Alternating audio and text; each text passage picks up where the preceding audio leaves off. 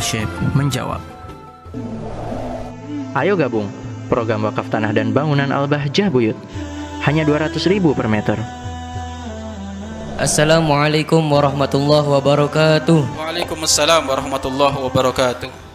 Afwan Abah izin bertanya, apakah sah nikahnya jika memakai nama baru karena belum ada surat duda dan tidak direstui istri yang pertama? Mohon penjelasannya Abah, syukron. Nama baru, nama samaran, iya kan? Baik.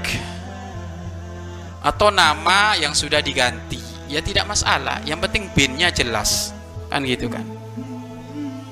Namanya mula-mula Ahmad diganti trotoar. Ini contoh. Ahmad bin Kamil akhirnya diganti trotoar bin Kamil. Ini boleh atau enggak? Ya enggak masalah. Ya kan?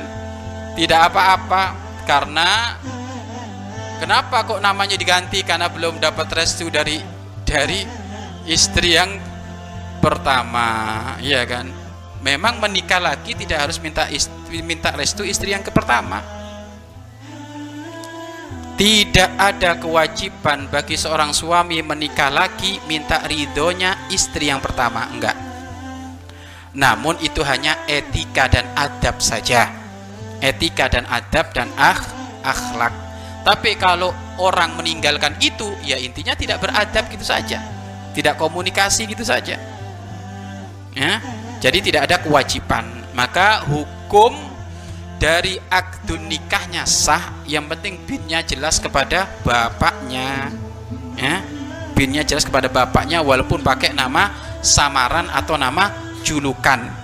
Ya kan? Abah itu kalau di rumah dipanggil Saiful Rijal. Kita itu namanya Saiful Rijal, tapi sama Buya dirubah. Saif Abu Hanifah. Nah, ini. Ya kan? Kalau di, di rumah itu nanya mana Abbas Saif? Nggak ada yang tahu.